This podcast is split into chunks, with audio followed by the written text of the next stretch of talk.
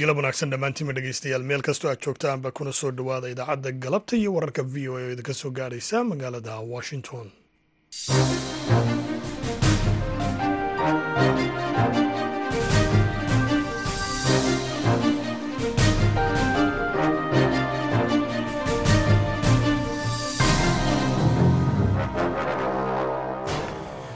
Waa galabnimo arbacaa taariikhduna ay tahay shan iyo labaatanka bisha januari ee sanadka laba kun iyo saddex iyo labaatan. Waxaad naga dhagaysanaysaan mawjadaha gaagaabane lix iyo tobanka iyo sagaal iyo tobanka mitirban iyo guud ahaanba dunidoon nagala socotaan. Boggayaga v o a somali com. Haatan dhegaystayaal saacadda afrikada bari waxa ay tilmaamaysaa afartii galabnimo. Idaacaddana waxaa halkan idinkala socodsiin doona aniga oo ah cabdixakiin maxamuud shirwac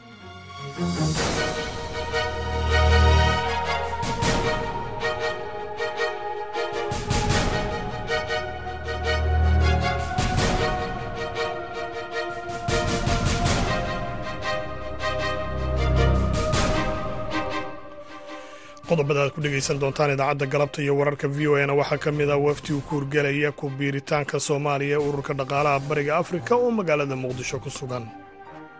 Wadaa la marayaa wadankii wale doonaya inuu galaabo waduu marayaa wadadaasi haddaan qiyaaso hadda waxay noo maraysaa ilaa boqolkiiba lixdan inaan soo dhammaynay amba boqolkiiba toddobaatan. Maanta marxaladan ku jirnaa waa marxalad aad u muhiima. Sidoo kale waxaan idiin haynaa wararkii ugu dambeeyey ee howlgallada militari ee soomaaliya ka socda. Toddobaadkii hore howlgalladii ka dhacay galmudug ama toddobadii maalmood la soo dhaafay howlgalladii dhacay sidaad ogtihiin ciidamada xoogga dalka soomaaliya iyo shacabka oo iskaashanaya ayaa muddo afar labaatan saacadood gudahooda kaga saaray argagixisada khawaariijta al-shabaab deegaanada xarardheere eeldheer iyo galcad oo ka tirsan dowlad goboleedka galmudug qodobadaasi weliba kuwo kaloo soomaalida iyo caalamkaba ku saabsan ayaad dhegaystayaal ku maqli doontaan inta aan ku guda jirno idaacadda galabta iyo wararka v o a hase yeeshee marka hore ku soo dhowaada warkii dunida.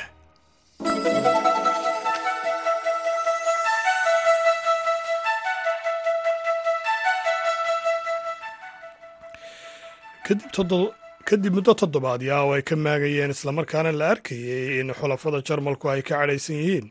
Ayaa maanta ra'iisul wasaaraha dalka jarmalka olaf scols uu shaaciyey in xukuumaddiisu ay ukrain siin doonto.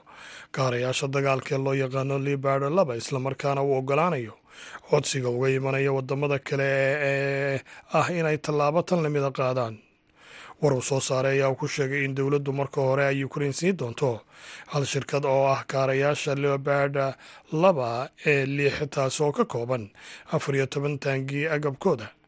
Iyo weliba sidoo kale iyadoo ujeeddadu ay tahay in jarmalka iyo weliba xulafadiisu ay siiyaan ukrain laba batalyan amaba siddeed iyo siddeetan kaare amaba taangii waxaana uu ra'iisul wasaare olof intaasi ku sii daray in dalkiisa jarmalku uu iskaashi dhow intaasi la sameynayay xulafadiisa xafiiska madaxtooyada taiwan ayaa maanta sheegay in madaxweyne ku-xigeenkii hore uu noqon doono madaxweynaha jasiiraddaasi tani ayaa qeyb ka ah isku shaandhayn golaha wasiirada lagu sameeyey kadib markii guuldaro uu la kulmay xisbi xaakimka jasiiraddaasi ee lagu magacaabo d b b doorashooyinkii ka dhacay halkaasi sannadkii hore.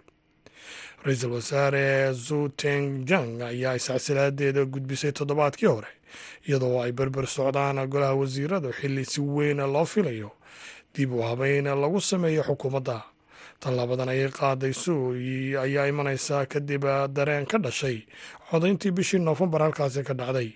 Iyadoo sidoo kalena ay hawshani dhacayso xilli taiwan ay ku jahaysan tahay inay qabtaan doorashooyinka madaxtinimada iyo weliba baarlamaanka sannadka laba kun iyo afariyo labaatan ugu dambeyntiina madaxa hay'adda qaramada midoobay u qaabilsan la socodka nukliyeerka ayaa sheegay inuu safri doono iiraan bisha soo socota isagoo rajeynaya in dib loo soo nooleeyo heshiiskii laba kun iyo shan iyo toban ee looga gol lahaa in lagu xakameeyo dhaqdhaqaaqa nukliyeerka ee iiraan isagoo ka hadlayay salaasadii brussels ka hor xubnaha guddi hoosaadka amniga iyo weliba difaaca ee baarlamaanka yurub ayaa rafael grosi oo ah agaasimaha guud ee wakaaladda tamarta atomigada uu sheegay in jamhuuriyaddan islaamiga ahi ay ururisay toddobaatan kilomitir oo aan idhahdo toddobaatan kilogram oo ah uraniuma. Taasoo ah nooca la tayeeyey amaba uraniumta la tayeeyey boqolkiiba lixdan iyadoo kun kilogram oo kalena la tayeeyey ilaa iyo boqolkiiba labaatanna laga dhigay nadiif waxaana uu sheegay walxaha nukliyar ku filan oo loogu talagalay dhowr hub nukliyar ah islamarkaana aanay ahayn isagoo intaasi sii raaciyay in aanay ahayn haatan mid diyaara. Heerka samaynta hubka nukliyarka ayaa waxaa loo arkaa inuu yahay boqolkiiba sagaashan mid la nadiifiyey laakiin grossi ayaa u sheegay guddida in kaydka weyn ee iiraan ee uraniumta taasoo ah nooca la tayeeyey aanay la macno ahayn in ay haysato hubka nukliyarka grossi ayaa sidoo kale sheegay in wakaaladan quwadda atomikada ee qaramada midoobey magaceeda la ydhaahdo i a e a. Aanay hadda la soconin barnaamijka nukliyarka iiraan sababtoo ah maamulku waxa uu jaray yidhi. Toddobiyo labaatan ka mid ah kamaradaha wakaaladdu ay ku rakibatay goobihii lagu dhawaaqay ee nukliyarka iiraan iyo weliba lix quwadood oo adduunka ah oo ay ku jiraan ingiriiska shiinaha faransiiska jarmalka ruushka iyo maraykanka ayaa waxay saxeexeen qorshaha wadajirka ah ee dhaqdhaqaaqa kaas oo xadidayay barnaamijka nukliyarka iiraan. Si loogu bedelo in laga cafiyo cunaqabataynta maraykanka iyo weliba kuwa caalamiga dhegeystayaal warkii dunidana waa naga intaas haatanna u diyaar garooba qeybaha kale idaacadda galabta iyo wararka v o a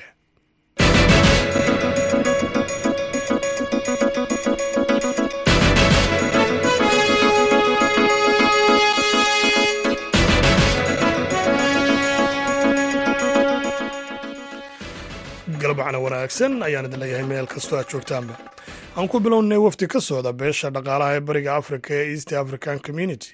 Ayaa maanta ka bilaabay magaalada muqdisho u koorgelida lagu xaqiijinayo inay soomaaliya xubin ka noqoto ururkaasi. Waryahayaga saynab abuukar maxamed ayaa warbixin arrintaasi la xidhiidha magaalada muqdisho nooga soo dirtay wasiirka arrimaha dibadda soomaaliya mudane abshir cumar huruuse ayaa si rasmi ah u furay shirka hanaanka xaqiijinta sharuudaha looga baahan yahay soomaaliya ee ku biirista ururka iskaashiga dhaqaalaha bariga afrika isaga oo sharaxay muhiimadda shirka maanta furmay. Shirka maantay muqdisho ka furay halkan hadda aynu taagannahay ka bilowday maantay oo ay ka soo qayb galeen in ka badan afartan ergey oo ka yimi waddamada ku bahoobay bariga afrika. Wuxuu ku saabsan yahay sidii soomaaliya ay uga mid noqon lahayd waddamada east africa ama bulshada bariga afrika. Arrintani arrin hadda soo bilaabatay maahan. Waa arrin iskudaygeedu uu bilowday sannadkii iyo toddobadii. Sidoo kale la isku dayey marar badan balse haddana dib loo bilaabay sannadkii waxaa taa weheliyey marna ma istaagin oo ma joogsan dadaalka soomaaliya ay ugu jirto inay qayb ka noqoto suuqa iyo bulshada bariga afrika. Markii la doortay madaxweynaha jamhuuriyadda federaalka soomaaliya mudane xasan sheekh maxamuud intii aan xukuumaddaba la dhisin wuxuu ka qayb galay shirkii madaxda bariga afrika oo ka dhacayay tanzaniya isla markaas ayuu dib faylkan u furay. Wax yar kadibna wuxuu magacaabay ergeyga inoo qaabilsan arrintan kubiiridda bariga afrika oo ah ambasador cali cabdisalaan hadliye wasiirkii hore ee wasaaradda arrimaha dibadda iyo iskaashiga caalamiga. Arrintan marka arrin muhiimaddeeda leh. Ma aha arrin shirkan maanta ka bilaabatay mana aha arrin dhowaan soo bilaabatay. Muhiimadda weyna waa inoo leedahay. Muhiimadda ay leedahay waxaa ugu muhiimsan waa midda koowaade soomaalidu waddamada bariga afrika oo dhan way joogtaa waxayna ku leedahay masaalix badan ganacsiyo dhinac walba taabanaya dhinaca ganacsiga lacagaha dhinaca horumarinta iyo dhismaha hantida maguurtada ah dhinaca gaadiidka iyo transboortka iyo isugudbinta alaabaha oo dhaafta xuduudo badan oo caalami ah. Soomaalidu waxay caan ku tahay una dhalatay soomaalidu inay yihiin dad shaqaysta isla mar ahaantana la falgala suuqyada caalamiga ah. Waxaynu ku leenahay waddamada ku jira ururkan bulsho badan oo soomaaliyeed oo dhinac walba u deggan wax ka barata dhammaan qaybaha bulshada east africa oo dhan ka mid ah. Shirkan ayaa ka dambeeyey kadib markii koox qiimeyn ah oo ka kooban khubaro ka kala socota dalalka xubnaha ka ah ururka bulshada bariga afrika ay soo gaareen magaalada muqdisho waxayna dalka joogi doonaan ilaa shanta bisha februari waxaana ay la kulmi doonaan madaxda dowladda iyo qeybaha kala duwan ee hay'adaha dowladda si ay u hubiyaan in dowladda soomaaliya ay la jaan qaadi karto xubnaha ururka. Dowladda soomaaliya ayaa sheegtay in dadka soomaaliyeed ay faa-iido weyn ka heli doonaan isku gudbinta badeecooyinka la geeyo waddamada xubnaha ka ah dalalkan taas oo kor u qaadi doonto dhaqaalaha wadanka saynab abukar v o a muqdisho. Waagaag dhegeystayaal seynab aad iyo aad ayay u mahadsan tahay. Haddaba wariyahayaga jamaal axmed cismaan ayaa qorshahan iyo weliba sida soomaaliya ugu biiri karto ka waraystay cabdisalaan cumar hadliyo wasiirka hore arrimaha dibadda soomaaliya islamarkaana ah ergeyga gaarka ah ee madaxweynaha soomaaliya u qaabilsan ku biirista ururkan east african community. Wadada aan maraynaa waxa wadaa la marayaa. Wadankii wale doonaya inuu galaabo waduu marayaa wadadaasi haddaan qiyaaso hadda waxay noo maraysaa ilaa boqolkiiba lixdan inaan soo dhammaynay amba boqolkiiba toddobaatan. Maanta marxaladan ku jirnaa waa marxalad aad u muhiima waxaana weeye marxaladii inay intay imaadaan toddobada wadan ee isbahaysiga bariga afrika ku jira ay imaadaan muqdisho ay expertskooga iyo technocratskooga amba dadka farsamo yaqaankooga ay soo diraan ay fiiriyaan dowladda soomaalida shuruucdeeda ee dhaqaalaheeda ee tacliintu halkay marayso caafimaadku siduu yahay iyo wixii kale xuquuqal insaanka maaragtay sida dumarka iyo haweenku uga qayb galaan siyaasadda soomaaliya so waxaasoo dhan bay eegayaan waxaanan ku kalsoonahay inaan inaan inaan gaari doono halkay nooga baahan yihiin amba halka looga baahan yahay. Guddi qiimeyn ayaa maanta yimid muqdisho oo dabcan u kurgalaya in soomaaliya ay mudan tahay inay ka qayb gasho ururka oo mid ay ka mid noqoto.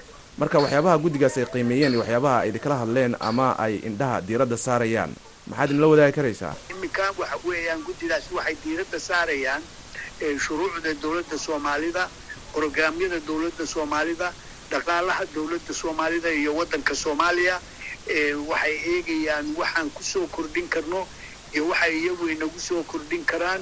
Marka waan waan gaadhi karnaa halkay doonayaan. Waana diyaar baanan u nahay khubaraadeenii iyo farsamo yaqaankeenii baa qolo walba la fadhiya waa la isqaybiyey saasaan ayna ku socotaa ilaa iyo imse ayay howsha qiimeynta ay wadi doonaan oo ay muqdisho joogayaan? Waxaan badi waxay qaarkood waxay imaadeen bisha labiiyo labaatanke labaatan iyo labadeedii kuwo kalena labaatan iyo saddexdeedii shalay soo wada dhammaadeen tiradoodu waxay dhan tahay ilaa afartan bay dhan tahay waxay joogayaan ilaa bisha saddexdeeda. Marka waa waa shaqo badan baa noo taalla aanu aan ka wada hadli doono waa tahay. Tallaabada kale ee xigta maxay noqon doontaa marka? Qiimeynta ay dhammeeyaan oo intaa ay joogaan xamar? Report bay samaynayaan haddii ilaahay ku roon yahay. Reportkana waxay u dirayaan wasiirada wadamadooda wasiirada wadamadooduna hadday reportka ku qancaan waxay u dirayaan madaxweynayaashooda.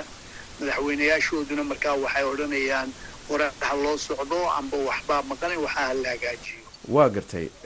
Qiimeyntani marka ma waxay noqon doontaa qiimeynta ugu horeysa uguna dambeysa mise waxaa laga yaabaa marar kale in sidan oo kale ay yimaadaan oo ay soo laabtaan oo qiimeyn kale ay sameeyaan. Qiimeyntani waa qiimeyn gooniya khaasa waxaa afgaalada lagu yidhaaho verificationka. Waxaa jiri doonaan qiimeyno kale oo kala duwan marba marxaladii la maraayo. Bilmathal haddii reportka la sameeyo markay halkan ka tagaan ay uu reportkaasi la ogolaado waxaan gelaynaa sidii sidii loo negotiation loo samayn lahaa. Soomaaliya goormay ku biiraysaa customs unionka soomaaliya goormay open marketka ku biiraysaa. Soomaaliya halkay taagan tahay iminka maxaa loo baahan yahay? Ma shan sanaa loo baahan yahay? Ma sanad baa loo baahan yahay? Markaa negotiation baa la geli doonaa halkaas haddana waxaa jiri doontaa another marxalo kale. Isla su'aashaas haddaad ka jawaabto goorma ayaad qorsheynaysaan ama ay idinla tahay in arrimahan oo idil ay dhammaan doonaan oo soomaaliya ay ka mid noqoto ururkani. Ani waxaan kuu sheegi karaa un maadaama aniga la ii xil saaray arrintan in diiradaydu ay saaran tahay in sanadka bartankiisa ilaa aakhirkiisa ay arrintani soo dhammaato waa tahay marka markii ugu horreysay maahana soomaaliya isku daydo in ay ururkaas ku biirto bariga afrika. Hadda sidaad sheegtay guddigani qiimeynayu wadaa. Rajada aad ka qabtaanna sidaad sheegaysaba ilaa iyo sanadkan dhexdiisa in la soo gebagabeeyo waxaa is weydiin karaa marka muhiimadda soomaaliya ay u leedahay in ururka ay ku biirto. Muhiimaddu waa wa waa wax la wada ogyahay qaladna waxaa laga fahamsan yahay beryihii hore ee maaragtay la geeyey applicationka applicationka lama daba raacin lama sii riixin. Hadda diyaar baa loo yahay waa la riixayaa madaxweynaha ayaa horseed u ah. Aniguna wuxuu ii dhiibay inaan implementationkeega sameeyo. Uma jeedo wax hor joogo oo naloo diidi doono.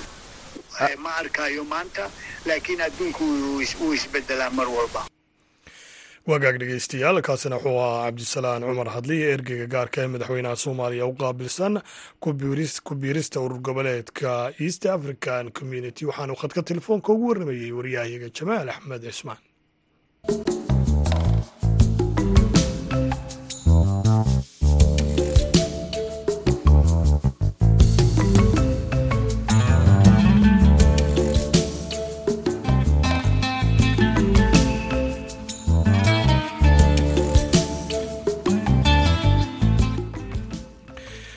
dowladda maraykanka ayaa khamiistii soo bandhigtay barnaamij ay ugu magac dartay welcome corps kaasoo ay ujeedadiisu tahay in muwaadiniinta maraykanka ay damaanad qaadaan qaxoontiga imanaya dalka maraykanka wasaaradda arrimaha dibadda weli ma aanay soo bandhigeen faahfaahin dhammaystiran oo ku saabsan barnaamijkan iyo weliba qaabka uu shaqaynayo. Hase yeeshee waxaa jira arrimo ay muhiim tahay in dadka doonaya inay ka qayb qaataan barnaamijkan ay aada ugu fiirsadaan sida uu inoo sharaxayo.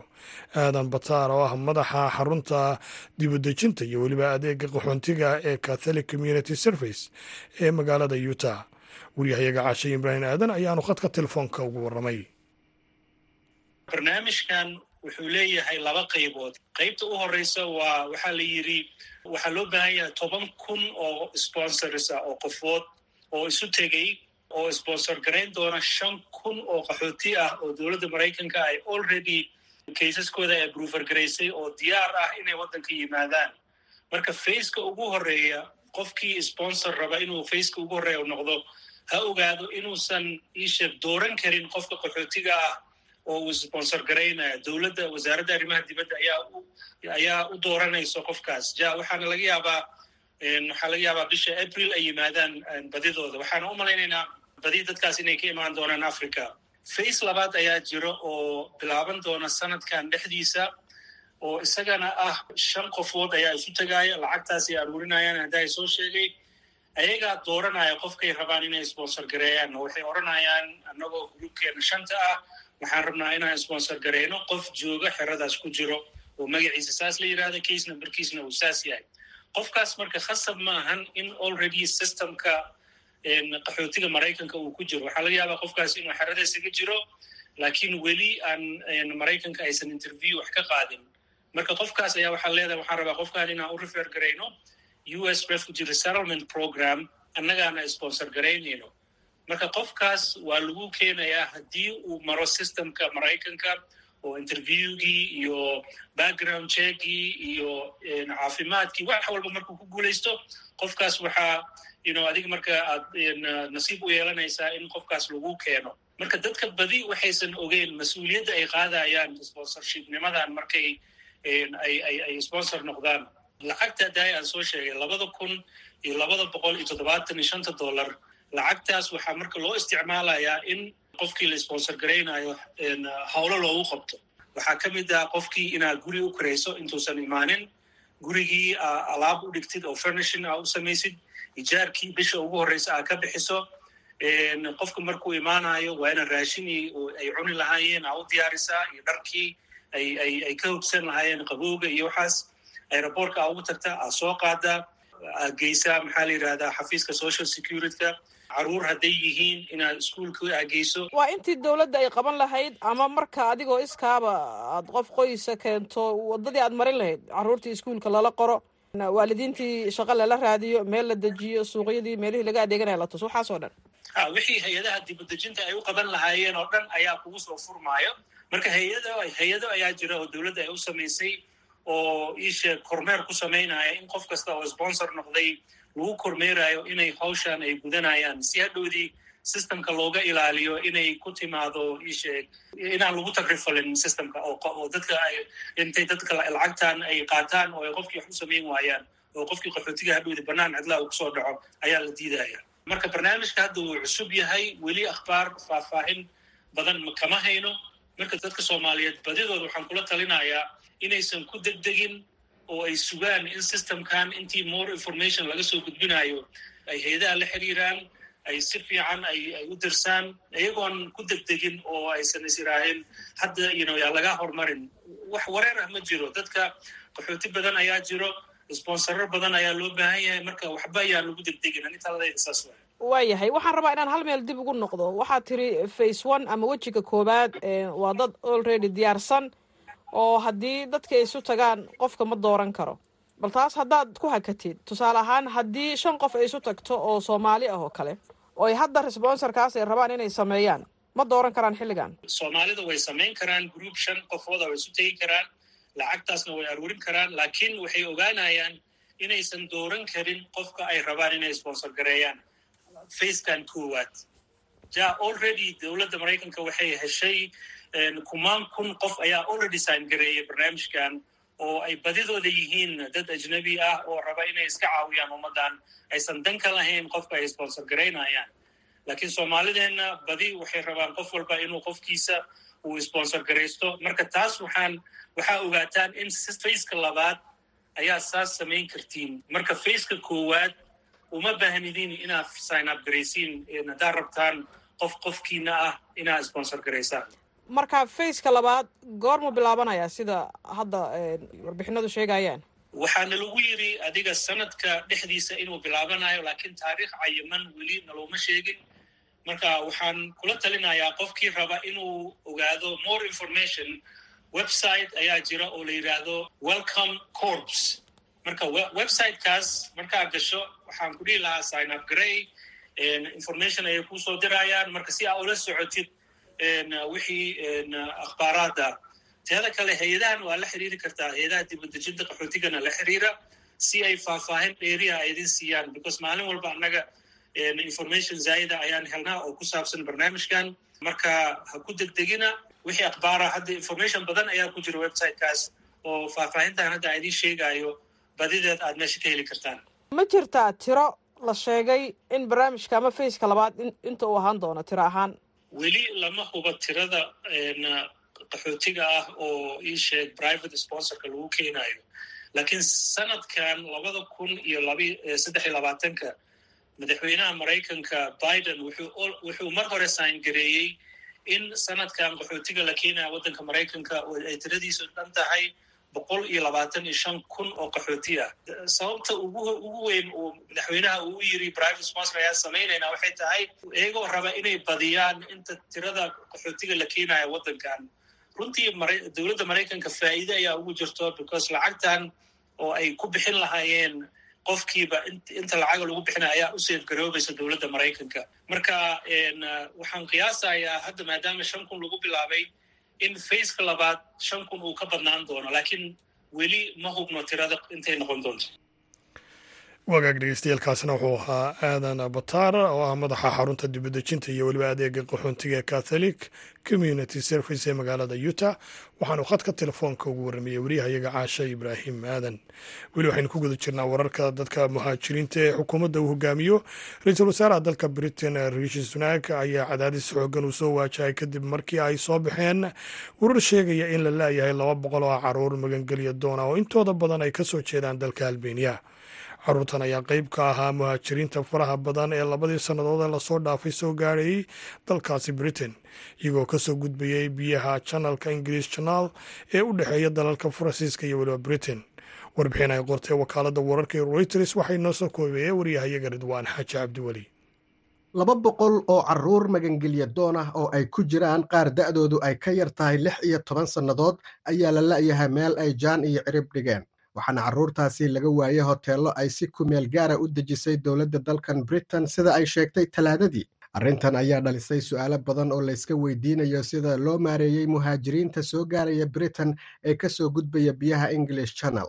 Xukuumadda ra'iisul wasaare rishi sunak ayaa laba cadaadis ay wajahayaan. Midka koowaad waa cadaadis la xiriira arrimaha socdaalka oo waxaa lagu eedeeyey in uusan adkayn xadka uu dalkiisu la wadaago faranse iyadoo doomo yaryar ay ku imanayaan dadka magangelya doonka ah iyo midda labaad oo ah inaan si wanaagsan loola dhaqmin qaxootiga marka ay soo gaaraan dalkan britain. Wasiirka socdaalka robert jenrick ayaa mudanayaasha baarlamanka ee xisbiga green bart ay shalay baarlamanka ku weydiiyeen su'aalo la xiriira wararka carruurta la la'yahay. Jenrick waxa uu sheegay in saddex iyo toban ka mid a labada boqol ee carruurta ah ee la la'yahay ay da'doodu ka yar tahay lix iyo toban sannadood. Hal qof oo ka mid ahna ay tahay gabar. Qiyaastii siddeetan iyo siddeed boqolkiiba carruurta la la'yahay ayaa waxa ay ka yimaadeen dalka albeniya waxa uu sheegay in dowladdu ay gudanayso waajibaadka ka saaran ilaalinta carruurta dadka da'doodu ay ka yar tahay siddeed iyo toban sanno jirka ee la dejiyo hoteelada waa kuwo isha lagu hayo oo lala socdo.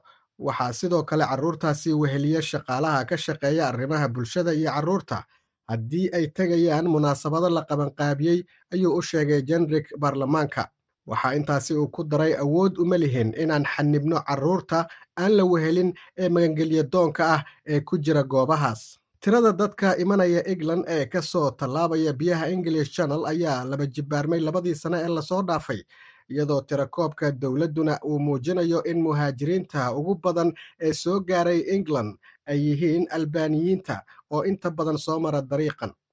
Afartan iyo shan kun oo muhaajiriin ah ayaa ka soo gudbay biyaha english channel una soo gudbay dalkan britain sannadkii hore. Isla sannadkii horena wasiirada ayaa cadaadis waxa ay kala kulmeen xaaladda nololeed ee liidata ee muhaajiriinta iyo sida ay dadku u buux dhaafiyeen ilaa ay hay'adaha xuquuqul insaanku si weyn u sheegeen in sharciga ay la tiigsan doonaan dowladda iyadoo markii dambena goobo kale loo diyaariyey si loo yareeyo xaaladdaasi qallafsanayd iyadoo u jawaabaysa wasiirka socdaalka ayee caroline locas oo ah xildhibaanad ka tirsan xisbiga green bart waxa ay sheegtay in carruurta la la'yahay ay halis ugu jiraan in la waayo in la afduubto amaba inay u gacan galaan dembiilayaasha waana arrin argagax leh. Waxaa sidoo kale ay ka codsatay wasaaradda arrimaha gudaha ee dalkan britain inay la timaado hannaan lagu ilaalinayo badqabka carruurta aad iyo aad ayuu dhegeystayaal umahadsan yahay ridwaan xaaji cabdiweli qaybo kala duwan oo idaacaddii way noo soo socdaanee haatanna aynu ku wada nasanno dhinacii kaalmaha heesaha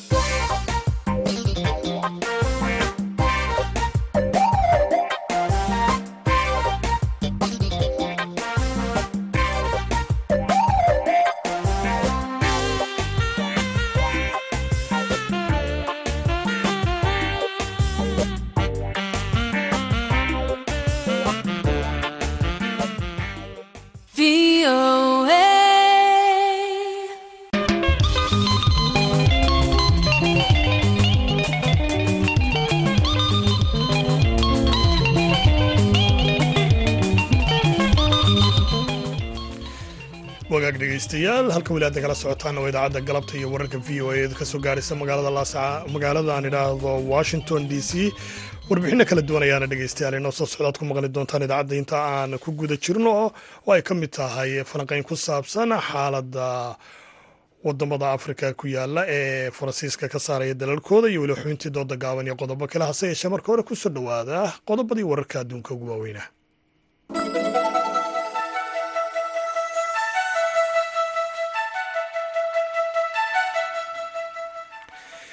kadib toddobaadii ay ka walaacedsanaayeen amaba ay ka maagayeen islamarkaana la arkayay xulafada jarmalka oo ka cadhaysan. Ayaa maanta ra'iisul wasaaraha dalka jarmalka olaf scols uu shaaciyey in xukuumaddiisu ay ukrain siin doonto.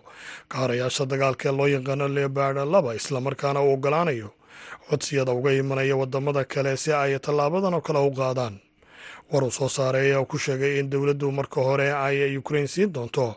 Hal shirkad amaba xidhmo dhan oo ah kaarayaasha lebard laba ee lix taasoo ka kooban afar iyo toban taangiy oo agabkood ah. Iyo weliba in ujeeddaduna ay tahay in jarmalka iyo xulafadiisu ay siiyaan ukrain laba batalyan amaba siddeed iyo siddeetan kaare oo kala duwan. Waxaana uu ra'iisul wasaaraha dalkaasi jarmalka olof intaasi ku sii daray in dalkiisa jarmalku uu iskaashi dhow la sameynayay xulafadiisa. Maamulka kuuriyada waqooyi ayaa amar ku bixiyey in shan maalmood la xidho caasimadda pyongyang iyadoo ay sii kordhayaan cudurrada neefmareennada ku dhaca ee aan lacad carabaabin ama aan si toosan loo sharaxin waxaana sidaasi sheegay diblomaasiyiin ruusha iyo weliba xarun warbaahineed oo fadhigeedu yahay seoul wakaaladda amaba hay'adda n k news oo soo xiganaysay ila ku sugan kuuriyada waqooyi ayaa markii ugu horreysay ka warbixisay xanibaadaasi iyadoo sheegtay in dadka degan pyongyang looga baahan yahay inay guryahooda joogaan. Oo ay maraan hubin in ay qandhahayso iyo weliba in kale taasoo ah mid qasab ah ilaa iyo arbacada laga bilaabo maanta lagana gaarayo maalinimada axadda ogeysiiskan ayaa dowladda kuuriyada waqooyi ay ku sheegtay xanibaadani inaanay ahayn amabaanay xusin covid sagaal iyo toban. Hay'adaasi wararka ee n k news ayaana tidhi ma cadda in xanibaadani ay ku jiraan meelo ka baxsan magaalada pyongyang.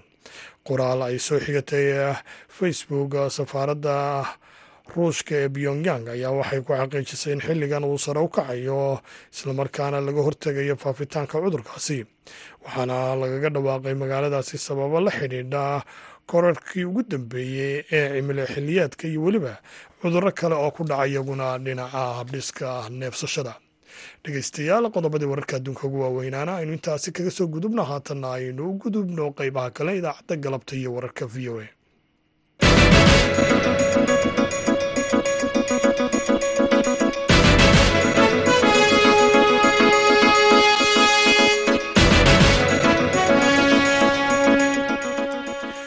aan ku bilownay dowladda burkina faso ayaa go'aansatay inay soo afjarto heshiisa dhinaca militariga oo ay kula jirtay dalka faransiiska. Burkina faso ayaa muddo bil ah u qabatay in ciidamada faransiisku ay dalkaasi kaga baxaan. Tallaabo tan la mid a ayaa waxaa hore u qaaday dalka maali haddaba maxaa sabab u ah in mawjadan faransiiska lagu saaraya ay ka bilaabanto dalalka qaar oo ay ugu horreysay in faransiisku bilowgii hore uu gumaysan jiray islamarkaana ay tallaabadan qaadaan dalalkani. Su'aashaasi weliba kuwo kale ayaa waryahayaga maxamed cabdi sandheere uu weydiiyey. Profeser maxamed mukhtaar oo taariikhda afrika iyo carabta ka dhiga jaamacadda safana ee gobolka georgia ee dalkan maraykanka waxaana ugu horreyn brofeser mukhtaar ka hadlaya sida faransiiska uu markii hore ku yimi qaaradda afrika. Faransiisku yani qaaradda africa qaybta libaax qayb libaax buu ka qaatay markii loo eego mustacmiriinta kale oo yurubiyanka ah asigaa kow ah. Ingiriiska ku soo xigaya marka dambe portugiiska saasay noqonaysaa kuwa kaleba maaragtay talyaaniga iyo wax kaley noqonayaan yaryar. Marka runtii haddii la eego dhul ahaan intu uu faransiiska gumaystay waxaan la yidhaahdo saxaraha oo dhan laga soo bilaabo isheeg tunisia.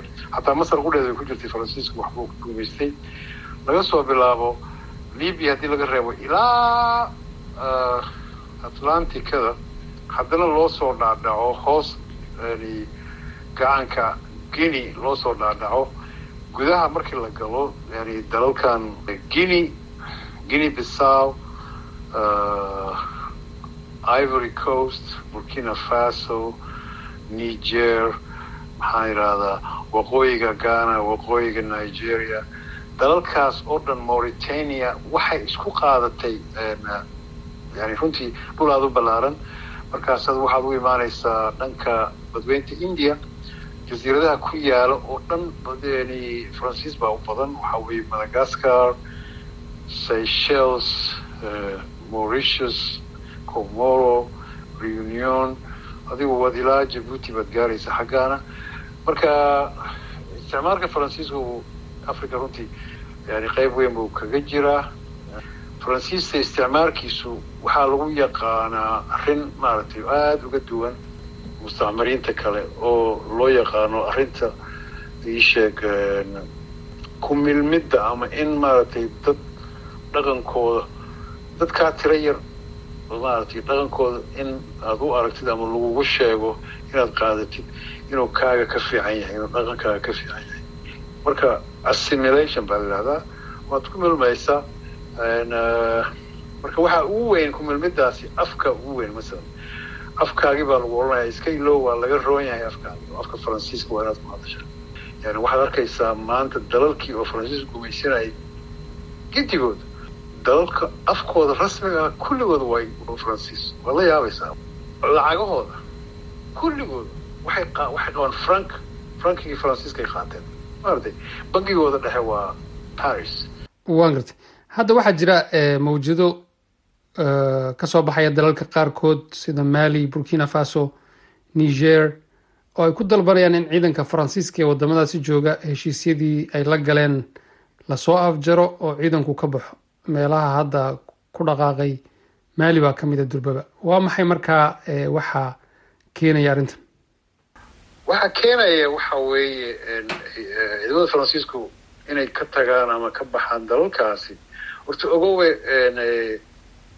meel allaale ama dal allaale dalku uu faransiisku gumaysan jiray ciidamaha jooga yani mustacmariinta kale waxaas ma qabaan. Kan laakiin wuxuu sameeyey meel allaale meelihii uu gumaysan jiray ciidan buu dhigtay si masaalixdiisi iyo danihiisi mar walba aan loo soo faragelinin.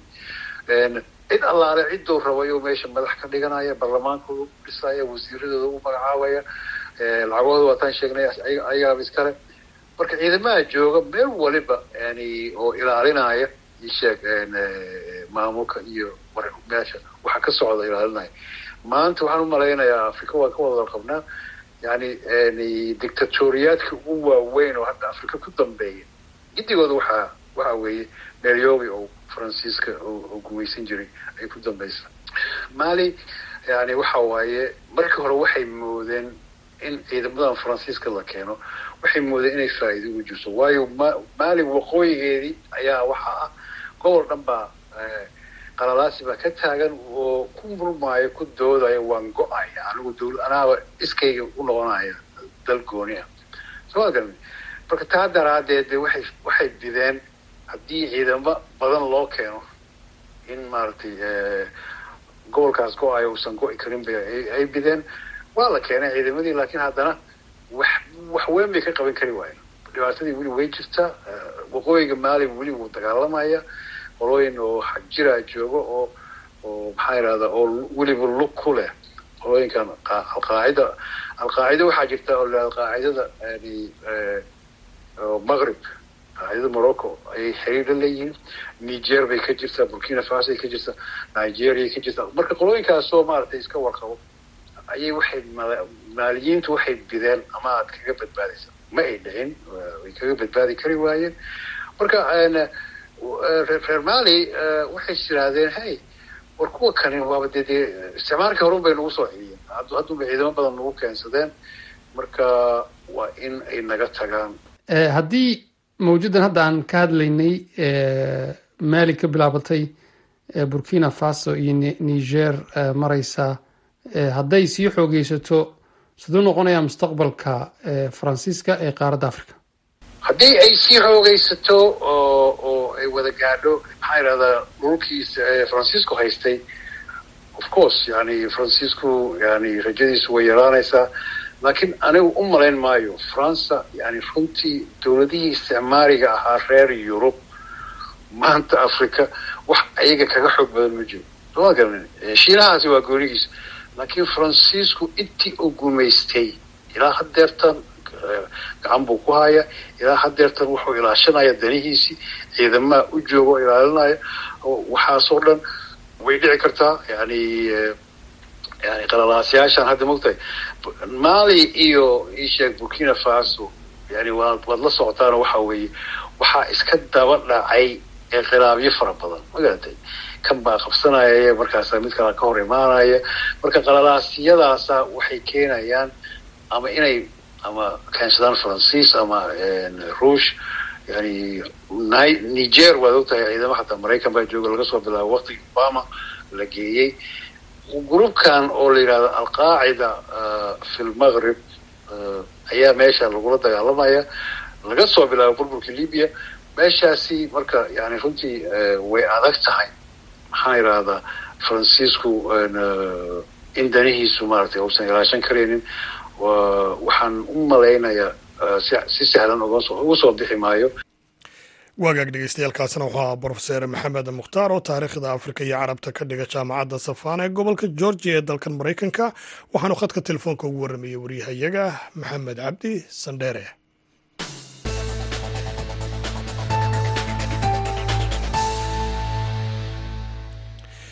dhowrkii bilooda la soo dhaafay dadka u dhaqdhaqaaqa xuquuqda aadamaha ayaa qayladhaana ka soo saarayay shirkadda gaarka ah ee ruushku leeyahay ee wagner group oo maxaabiista u adeegeysay dagaalka ka socda ukraine. Aqalka cad ayaa xaqiijiyay arrintan oo uu ku tilmaamay khasaare weyn oo gaadhay ilaa iyo afartan kun oo maxbuus oo u dagaalamayay kooxdaasi calooshadu shaqaystayaasha ah ee wagner group. Wariyaha v o da ignor tasiskena ayaa warbixintan diyaariyey waxaana inoo soo koobayaa xuseen bare aqalka cad ee maraykanka ayaa sheegay in dowladda ruushku ay si weyn ugu tiirsan tahay kooxda wagner kooxdaas oo kumanaan maxaabiis a geysay safka hore ee dagaalka. John kerby waa afhayeenka golaha amniga qaranka ee maraykanka.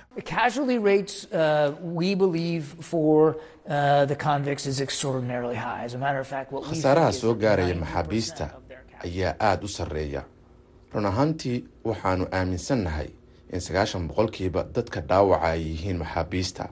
Saraakiisha ukrain ayaa ku qiyaastay in boqolkiiba toddobiyo toddobaatan ka mid ah siddeed iyo soddonka kun ee maxbuus ee ruushka ah ee la keenay dagaalka ukrain in la dilay la dhaawacay la qabtay ama la waayey afhayeenka golaha amniga qaranka ee maraykanka john kerby ayaa ku tilmaamay wax laga xumaado khasaaraha soo gaadhaya maxaabiista oo ruushku dagaalka ku qasbay. Sida hilibka oo kale ayay dabka ugu gurayaan ruushka ayaa meesha ka saaraya qiimaynta inta badan dibadda uga timaada ee lagu qiimeynayo howlgalladiisa dagaalka isagoo ku adkaystay in ciidamadiisu ay xoojinayaan guulahooda.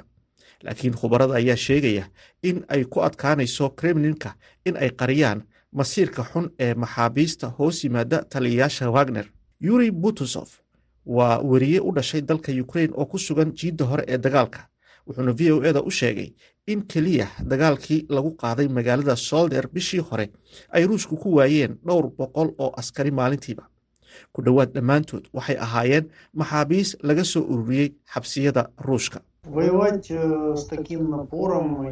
In order to attack the Ukrainian firing points, the enemy is using penal battalions. It is not a new invention. taliyayaasha wagner maxaabiista dhowaan yimid waxay ku tilmaamaan inay yihiin kuwa buuxinaya meelaha bannaan iyaga oo u adeegsanaya weerarada lala beegsanayo meelaha ay ciidamada ukrain rasaasta ka soo ridayaan.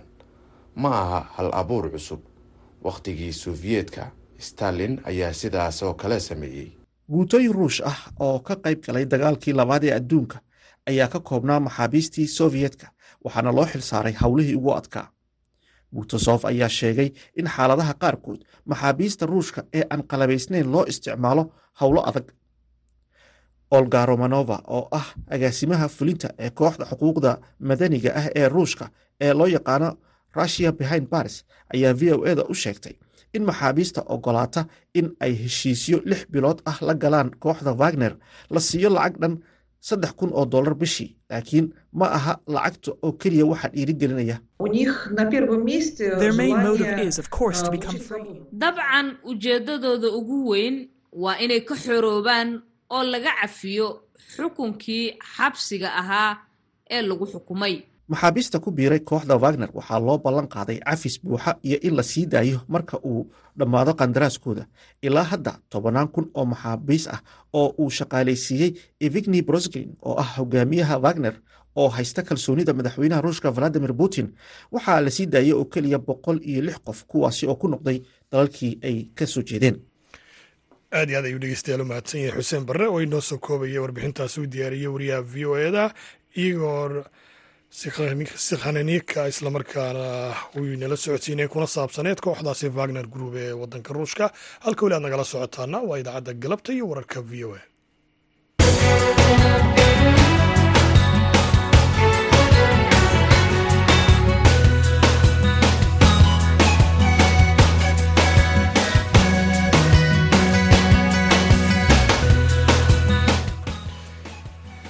wagaag dhegeystayaal haatanna ku soo dhowaada xubintii dooda gaaban oo inoo hayo xasan kaafi cabdiraxmaan qoyste.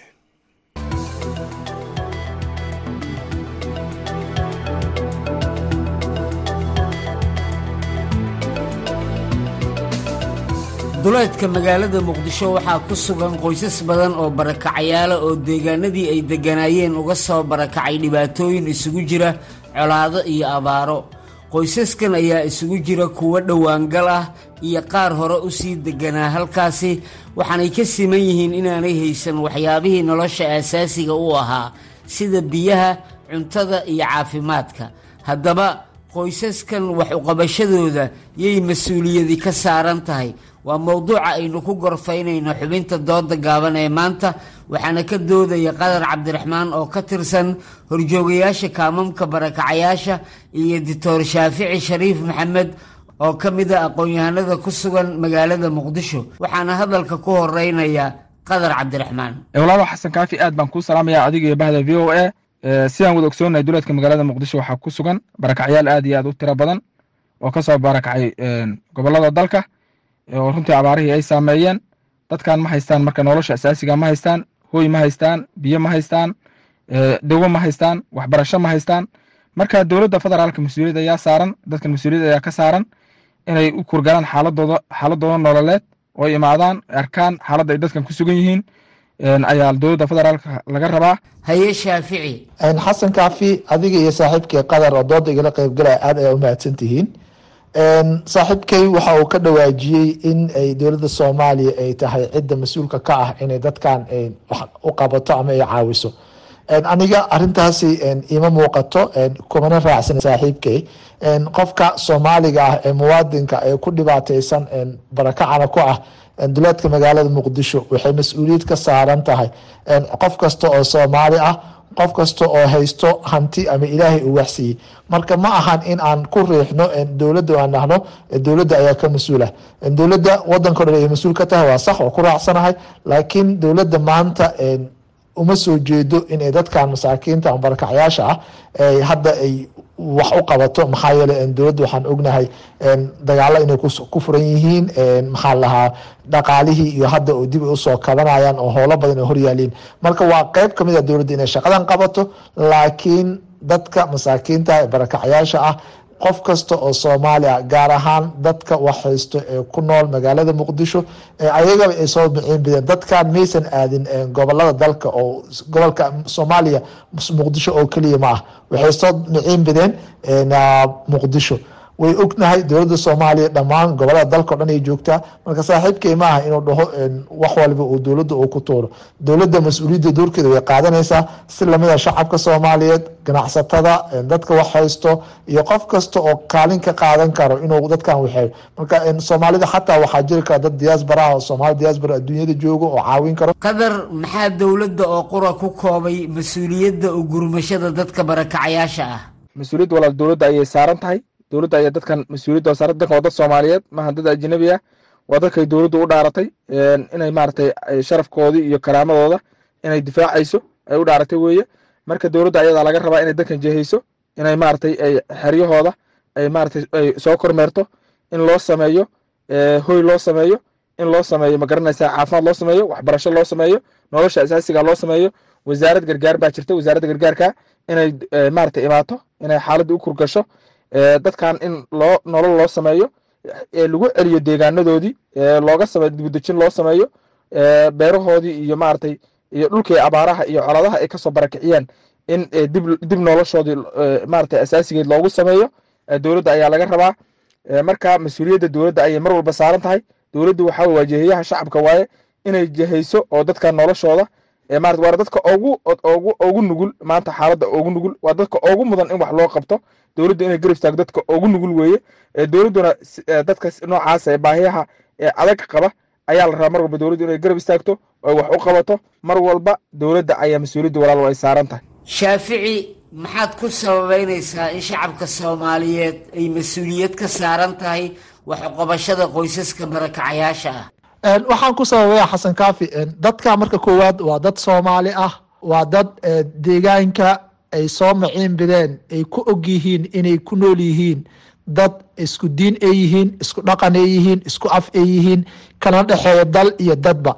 Marka sababtaas ayaa waxay tahay sababta ugu weyn ee dadkan ay u soo miciin bideen walaalahood muslimiinta ah walaalahood ee waxhaysta ee ku nool magaalada muqdisho. Maanta barakacyaasha waxay u baahan yihiin dadka ilaahay waxsiiye ee muxsiniinta ah. Waxay u baahan yihiin dhaqaatiirta ee ilaahay aqoonta siiyey waxay u baahan yihiin shirkadaha waaweyn ee maanta balaayiinta dollar ku ganacsanayo. Haddii marka qof kasta oo muqdisho joogo sadaqada ama zakawaadka laga raba ay siiyaan dadkaas masaakiinta ah wax badan ay u taraysaa. Ogow dadkan ma ahan second citizens ama muwaadiniinta labaad ma aha waa muwaadiniin soomaaliyeed daruufo ay meeshaan keeneen maantana waxay mudan yihiin in loo gargaaro. Marka waxaan u sababeena oon dhihi lahaa yaanan lagu hadleynin cid kale ama dowlad ha ahaato ama hay'ado banaanka eh shacabka soomaaliyeed gaar ahaan kuwada muqdisho joogo ee ilaahay wax uu siiyey ee balaayiinta doolar ku ganacsanayo iyo xataa dadka aan qasabnaha inuu qofka billions dollar ku ganacsado. Muqdisho saddex milyan oo qofooda ku nool. Dad badanoo waxaa ku nool dabaqada sare iyo dabaqada dhexe. Inta way ay ka buuxaan wayna awoodaan in ay quudiyaan. Dadka kumanaanka qofood ah ee magaalada banaankeeda cooshadaha ugu dhisan yihiin ee dhaxanta iyo qabowga iyo kulaalka iyo maxaa lahaa xataa halista ugu jira cudurrada faafa inay ku dhacaan. Waxaynu joognaa gabagabadii dooda xalku muxuu yahay aan ku horeeyo qadar. Xalka waxaan u arkaa inay dowladdu ay dadkan hoos u dhowrto loo sameeyo hoy loo sameeyo ay ka galaan roobabka iyo qoraxda ay ka galaan. Sidoo kale loo sameeyo goobo waxbarasho caafimaad biyo loo sameeyo. Biyo xitaa ma haystaan. Nolosha biniaadmiga waxaa ugu muhiimsan biyaha biyo ma haystaan caafimaad ma haystaan. Marka dowladda inay dadkan hoos u fiiriso weeye dadkan waxa isku jira dad waayeelah dad u nugul maaragtay dhibaatada u nugul. Caruur haween marka dowladda ayaa laga rabaa inay dadkan ay wax u qabato. Sidoo kale wasaaradda gargaarka oo shaqadeeda ay tahay arrimaha noocan oo kale ah inay u kurgasho xaaladooda ay soo booqato meelaha ay degan yihiin maarata dowladka muqdisho ay ka degan yihiin ay tagaan dadkan helaan daryeel daryeel dowladnimo iyo gargaar deg dega oo dowli ah inay helaan shacabku waa shacab ma ma awoodaan taakulaynta intaa la eg dadka kumanaanka ruuxa ee soo maaragtay gobollada dalka ka soo hayaamay abaaraha iyo ay ku dhufteen iyo maaragtay iyo coladaha ay ku dhufteen meelaha ay deganaayeen waxba maaragtay tabar iyo maaragtay lama gaari karaan gacan. Marka dowladda ayadaa laga rabaa inay dadkan ay maaragtay ay jehayso ay wax u qabato nolol u samayso fursado u samayso. Shaafici dhinacaaga haddii aan ku siiyo maxaad ku soo gebagabaynaysaa oo xalkuna kuugu muuqdaa? Xasan kaafi xalku wuxuu yahay dadkan inay caawiyaan dadka soomaaliyeed gaar ahaan kuwooda ku nool magaalada muqdisho ee markii horeba ayaga ay soo maciin bideen maanta meesha ay ku nool yihiin waa duleedka magaalada muqdisho. Ma aha duleedka gobol kale oo ka baxsan magaaladan. Haddaba dadkan magaalada jooga ee muqdisho waa dad ilaahay wax siiyey waa dad aqoontii iyo hantidii iyo caqligii soomaaliyeed meesha uu ku midaysan yahay waa magaaladan muqdisho.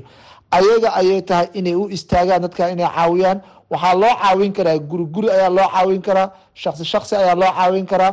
Waxaa kaloo loo caawin karaa in dhakhaatiirta ay u istaagaan. Jaamacadaha ardayda dhiganaysa ay istaagaan. Aqoon-yahanka maxaa lahaa waalidiinta carruurta cid waliba way caawin kartaa. Haddii aan arrintaas la yeelin dadkaas dhibaatada way ay ku sii jirayaan. Magaalada muqdisho dhibaatadaas waa ay saameyn doontaa. Marka ma qabo in la yidhaahdo dowladda la sugaayo shacabka ayay u taallaa intaas ayaynu dhegaystayaal ku soo koobaynaa.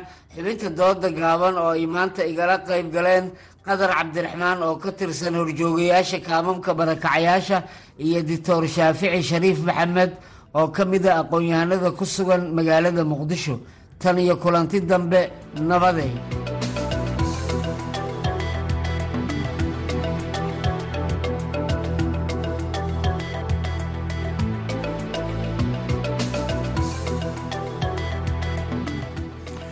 aad iyo aad ayuu dhegeystayaal mahadsan yahay. Xasan kaafi cabdiraxmaan qoyste oo doodaasi gaaban magaalada muqdisho inoogu soo diyaariyay islamarkaana inala socodsiinayey gebagabada idaacadda galabta. Iyo wararka v o a ayaynu maraynay haatanna aynu mar kale dibu jalleecnaa dhinacii kaalmaha heesaha islamarkaana aynu ku wada nasanno heestan ay codkeeda inagu soo gaarsiinayso. Fanaanada maryam mursal ciise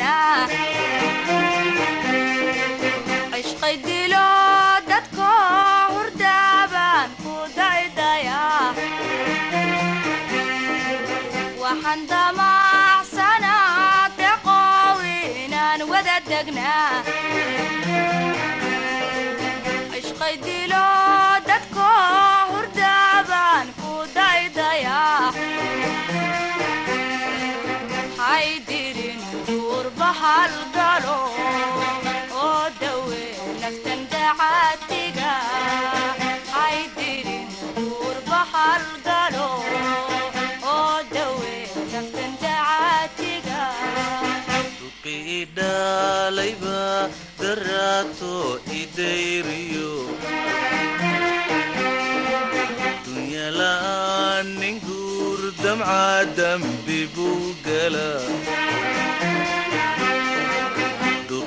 duqi idhalayba daraato